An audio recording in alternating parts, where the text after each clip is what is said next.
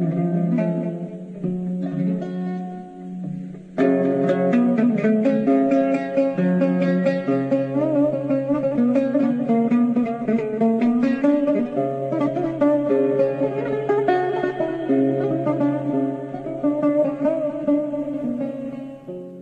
الله صار بشر عشان يصيروا أبناء البشر أولاد الله.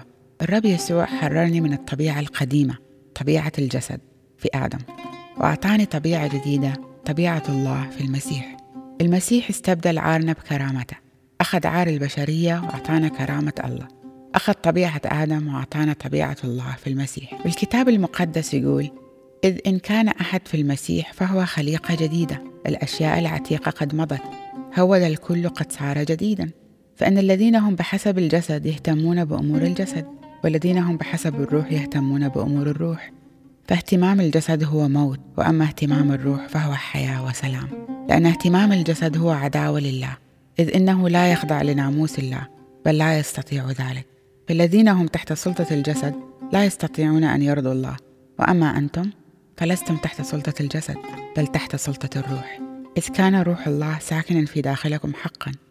ولكن إن كان أحد ليس له روح المسيح فهو ليس للمسيح.